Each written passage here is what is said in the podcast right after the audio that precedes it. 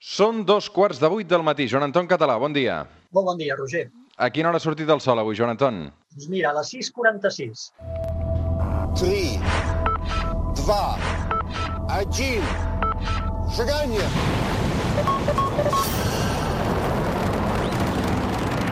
One small step for man,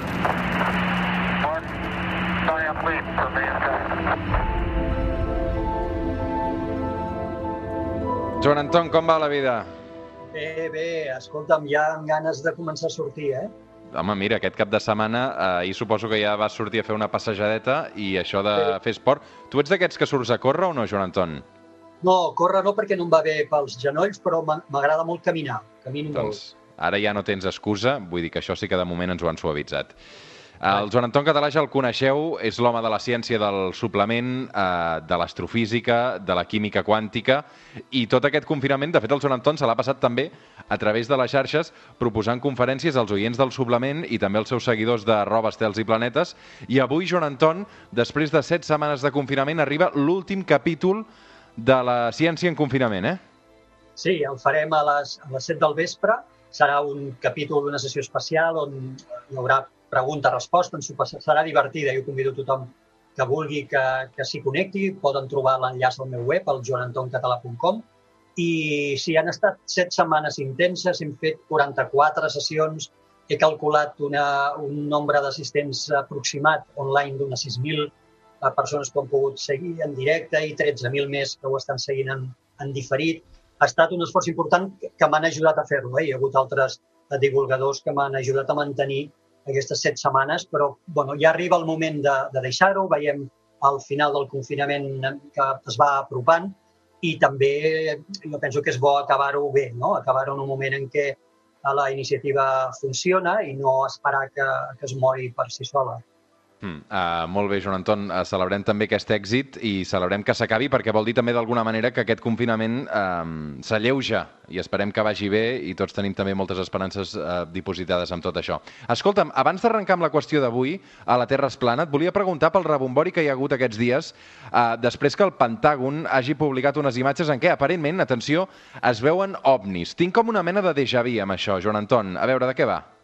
Sí, tots se la tenim perquè són imatges que ja es van filtrar fa mesos, les va filtrar la, Navy eh, i ara les, les ha obert el Pentàgon. Això són imatges que s'havien gravat antigament, eh, les més antigues són de l'any 2007, per part d'avions de combat de la Marina americana, i on es veuen objectes que van seguir amb el radar i també a les pantalles dels, dels avions i que no van poder aclarir el seu origen. Per tant, des del punt de vista etimològic, diríem, o del que és fonamental, són objectes volants no identificats, la qual cosa no vol dir que siguin humanets verds, sinó simplement són això, són objectes que no es va poder confirmar el seu origen i l'exèrcit americà parla d'ells com fenòmens atmosfèrics, eh? Mhm. que és com una forma també de treure's el tema de sobre, no?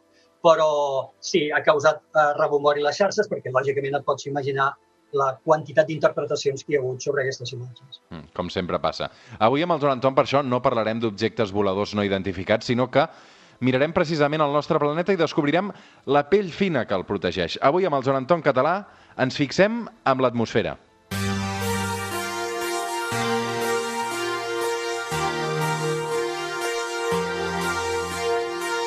Joan Anton, busquem una definició d'entrada. Què és l'atmosfera?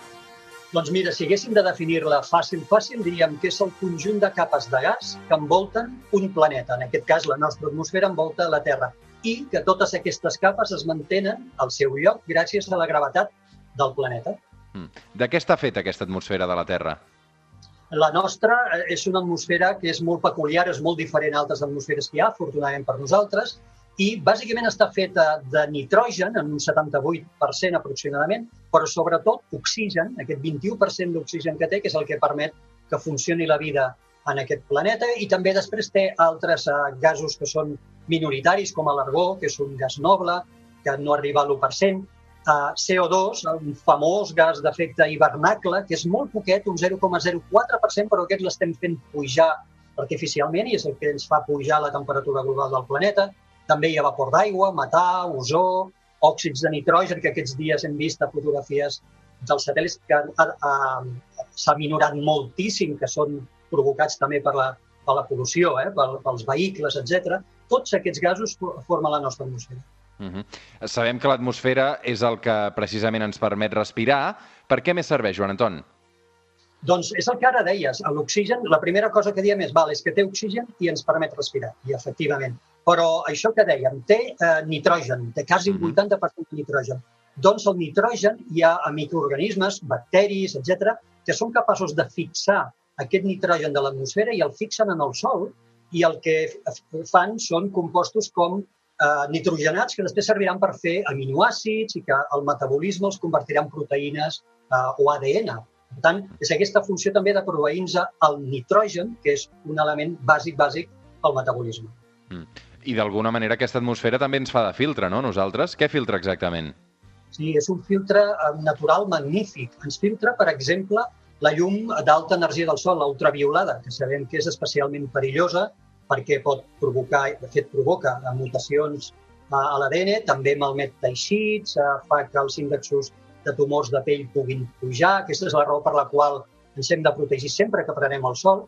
La nostra atmosfera és capaç d'aturar quasi tota la llum ultraviolada, però alguna, alguna aconsegueix passar. I aquesta és la que necessitem nosaltres protegir-nos. Tenim mètodes, diríem, naturals a la nostra pell, com la melanina, no? que ens protegeixen d'aquesta radiació, però no suficientment. Eh? I llavors, eh, és el que et deia, l'atmosfera el que ens fa és bàsicament ens, ens atura la major part d'aquesta energia d'alta intensitat. I també la infraroja, que és la llum de més baixa intensitat, que és la que notem a la cara quan estem prenent el sol, és l'escalfor que notem a la cara és infraroig, doncs aquesta també ens l'atura bastant l'atmosfera de la Terra. Escolta'm, ja fa uh, uns quants anys que estem parlant molt de l'efecte hivernacle um, i tot això crec que està molt relacionat precisament amb l'atmosfera, no? Sí, sí. Uh, els gasos aquests que estem, uh, que, que de forma normal, diríem, són naturals, que ara en, els anomenàvem el CO2, o fins i tot el vapor d'aigua, són gasos de gran efecte hivernacle. Però, com et deia, so, estan de forma natural a la nostra atmosfera. Per exemple, el CO2 es produeix en molts uh, fenòmens de, de volcans, però també per la respiració. Eh? I a l'aigua, el vapor de l'aigua, lògicament, es, pro, es produeix per l'evaporació. Què estem fent els humans? Doncs estem fent créixer d'una forma no natural, diríem, a les concentracions d'aquests dos gasos, bàsicament, d'efecte hivernacle, i això fa que pugin les temperatures globals del planeta. Mm. Um, I precisament uh, aquest efecte hivernacle, no sé si sempre té un efecte negatiu uh, sobre la Terra o també té coses bones. Té coses bones perquè és el que dèiem abans, de forma natural ja es produeix. Perquè et facis una idea, Roger, si no tinguéssim ni CO2 ni vapor d'aigua a l'atmosfera, imagina't que no en tinguéssim gens, la temperatura mitjana de la Terra seria de menys 18 graus, de menys 18. El que fa que tinguem les temperatures que tenim i que l'aigua sigui líquida, etc, és que tenim aquests gasos d'efecte hivernacle d'una forma natural a l'atmosfera que ens fan pujar aquest valor cap als valors que coneixem. Eh?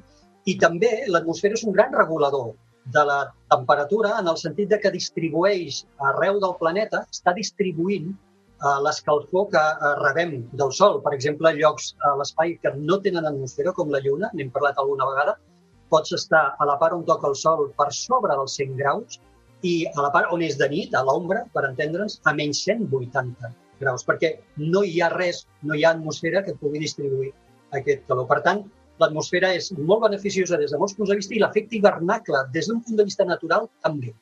Mm. Som al Suplement, som a Catalunya Ràdio, això és la Terra es plana, avui parlant de l'atmosfera. Joan Anton, si parlem de l'atmosfera hem de definir diferents capes també. Per on comencem i per, per, per exactament quantes n'hi ha de diferents? Doncs són les que estudiàvem a l'escola, quan estudiàvem aquest tipus de coses, que són la troposfera, l'estratosfera, la mesosfera, la termosfera i l'exosfera. Aquesta és, pre aquesta és pregunta d'examen, eh? Sí, exacte. Sí, és de les que caia alguna vegada. I, I són capes que definim per alçada. Eh? La troposfera, que ara en parlarem, doncs és la més baixa i així seguiríem fins a l'exosfera, que és la més alta. Molt bé, per tant, eh, comencem eh, una per una. Troposfera, dius que és la més baixa, què més? Sí, aquesta és la més baixa, conté aproximadament el 80% de tot el que té la nostra atmosfera, tot el que hem dit, doncs el 80% és dins de la troposfera i és una capa que va perdent temperatura a mesura que tu vas pujant cap amunt, que això sembla com normal, però després veurem que les altres capes no funcionen exactament així. Tots els fenòmens eh, atmosfèrics meteorològics que coneixem es produeixen dins de la troposfera. Els núvols, les tempestes, tot això es produeix dins d'aquesta capa que anomenem eh, troposfera. I la seva alçada varia en funció de si ets als pols o a l'equador, però va entre els 8 quilòmetres sobre els pols i els 18 quilòmetres d'alçada que té sobre els equadors. Sobre l'equador, disculpa. Una altra capa que també eh, ens sona eh, i, i molt és l'estratosfera, no? Sí, aquesta va per sobre de la troposfera i seguiria fins a uns 50 quilòmetres més o menys d'alçada. I aquí és on canvia allò que et deia de que quan més amunt anaves, més fred feia, do- feia doncs aquí canvia. Aquí, quan, a causa de la radiació del Sol, a partir d'aquí, com més amunt vas, la temperatura comença a guanyar alçada, a guanyar intensitat, sobretot a partir dels 25 quilòmetres d'alçada. Allà és quan la temperatura, tal com vas cap amunt, doncs comença a pujar. I aquesta capa és molt important perquè conté la famosíssima capa d'ozó, que aquesta capa, aquest component, l'ozó, és el que filtra la radiació ultraviolada que anomenàvem abans. Tot això que estem malmetent, aquesta capa que també estem malmetent amb els aerosols, que afortunadament això ho estem recuperant perquè n'hem prohibit moltíssims, però també els avions, etc malmeten a l'ozó, doncs l'ozó és el que és aquesta, aquest filtre que té l'atmosfera que ens protegeix de la radiació ultraviolada. I mica en mica ens anem allunyant i ens falten les tres últimes, les més llunyanes, que, les més llunyanes, que són la mesosfera, la termosfera i l'exosfera. Sí, aquestes exactament for- formarien la part més externa de la pell de la Terra i perquè ens fem una idea, eh, ja quan arribes més o menys a uns 150 quilòmetres d'alçada, que això estaríem encara dins de l'exosfera, una molècula d'aire té apenes té probabilitats de xocar contra una altra molècula eh, d'aire. Per tant, la densitat, la quantitat d'aire que hi ha pel volum que hi ha és pràcticament, pràcticament zero. I, de fet, si aquesta molècula d'aire eh, anés molt ràpida, s'escaparia de la gravetat de la Terra. Per tant, allà ja estem a la, a la part, aquests 150 quilòmetres marcarien ja un, un límit molt, molt, molt allunyat on pràcticament no trobaríem quasi, quasi atmosfera. En queda alguna més de capa o no? Sí, de fet, eh, això que t'he dit són les capes per alçada. Però després hi ha una altra classificació, eh, que ens sonarà, per exemple, el nom ionosfera ens sonarà, doncs la, la ionosfera eh, està relacionada no només amb l'alçada, sinó amb les propietats magnètiques de, uh, de l'atmosfera. Llavors, en funció de les propietats magnètiques, també hem definit capes, i la ionosfera és la més coneguda d'aquestes capes, i bàsicament és molt important uh, per la, les comunicacions, la ràdio, la, televi la televisió, etc. totes les comunicacions, perquè aquesta capa té electrons en estat lliure i és excel·lent per fer rebotar les senyals electromagnètiques. I així és com podem enviar feixos de senyals de comunicacions cap amunt, des d'una radioantena, que reboten en aquesta ionosfera i tornen a caure, diguem, rebotades a llocs molt eh, allunyats, allunyats d'on les hem emeses. Per tant, és una capa que és fonamental o ens serveix moltíssim per a les nostres comunicacions a distància. Mm. I encara un altre concepte eh, que t'he de preguntar, que és la línia de Karman i quina relació té amb tot això que estem comentant. Sí, clar, fixa't que dèiem totes aquestes capes i totes aquestes alçades, va arribar un moment que vam haver d'agafar una mena de convenció i dir, val, però on li posem el llindar? O quan diem que acaba la nostra atmosfera? I aquesta línia li, li anomenem línia de Karman i hem fixat, que és un, un estàndard, però vull dir que al final és una convenció dels humans, hem fixat que això es trobaria a uns 100 quilòmetres d'alçada, perquè això coincidiria en que a aquests 100 quilòmetres la densitat d'aire és tan pobra, és tan baixa, que cap aparell volador que depengui de l'aerodinàmica, un avió, per exemple, no podria volar, no podria tenir sustentació a les ales per volar. I per això hem agafat aquests 100 quilòmetres, que anomenem línia de Karman, per definir el, el límit de la nostra atmosfera. Però, tal com deia abans, això no és del tot cert, perquè podríem seguir pujant i encara trobaríem molècules eh, d'aire, i de fet les trobaríem fins a 500 quilòmetres d'alçada. Eh? Però la línia de Karman seria una mica la, la frontera que per convenció ens hem definit. Avui amb el Joan Anton Català, l'atmosfera.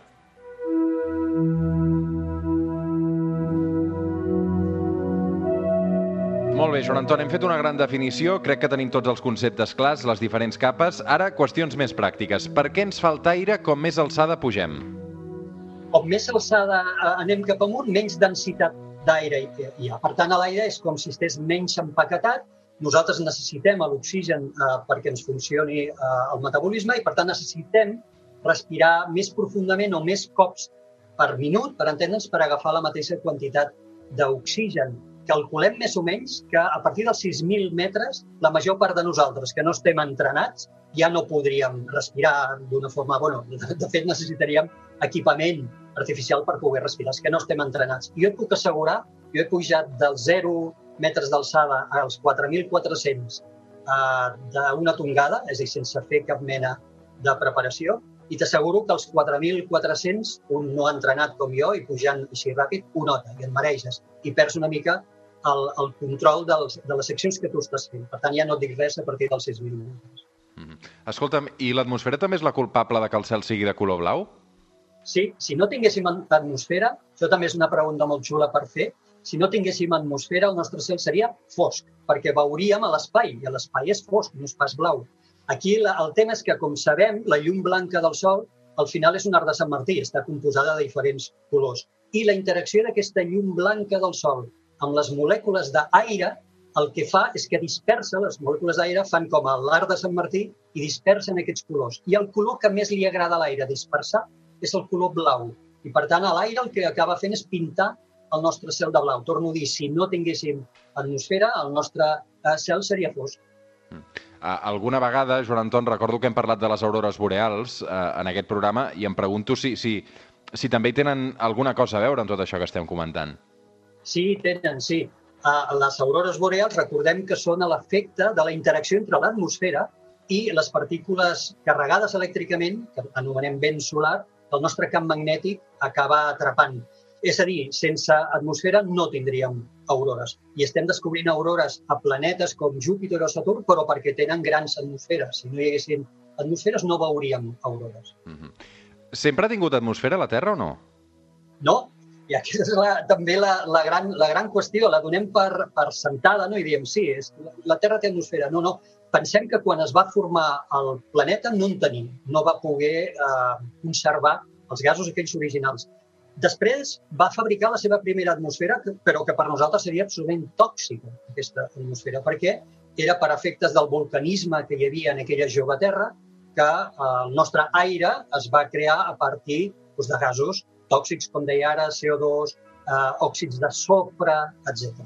I, afortunadament, eh, en un moment determinat van aparèixer a la Terra els primers organismes, bàsicament cianobacteris, que van ser capaços de respirar aquella atmosfera que per nosaltres seria tòxica i convertir-la a poc a poc en oxigen. Per tant, van començar a carregar una atmosfera que no en tenia d'oxigen, que van eh, a tornar respirable per tots els organismes que van venir a continuació. Quan i com es va formar aquesta, aquesta, aquesta atmosfera? És això que em comentaves ara, eh, una mica? Sí, més o menys calculem que això eh, va passar fa uns 3.000 milions d'anys, aquesta reconversió de, la, de la, una atmosfera que era tòxica en una, a l'actual atmosfera, això devia passar fa uns 3.000 milions d'anys i el procés total de càrrega, perquè ens fem una idea, podria haver durat uns 300 milions d'anys. Per tant, no va ser una cosa així com immediata. Si no hi hagués atmosfera, nosaltres segurament no hi seríem. Um, com és que, que, que la Terra ha aconseguit conservar-la? Clar, això també és una pregunta molt interessant, perquè un cop tu tens com a planeta atmosfera has de ser capaç de conservar-la, que vol dir que la gravetat del planeta, la mida, la massa de la Terra, ha donat suficient gravetat com perquè tu puguis tenir aquesta atmosfera ben lligada i no se t'escapi. Sense una gravetat com la que té la Terra, en un planeta més petit, per exemple, és possible que la nostra atmosfera s'hagués perdut al llarg d'aquests 3.000 eh, milions d'anys, s'hagués perdut per la interacció amb el vent solar. Llavors, bàsicament la tenim encara perquè el nostre planeta té la mida justa com per mantenir-la. Carai. Molt bé, Joan Anton, molt interessant tot això que ens has explicat avui. Uh, no sé si fins i tot hi ha altres planetes que també en tenen d'atmosferes.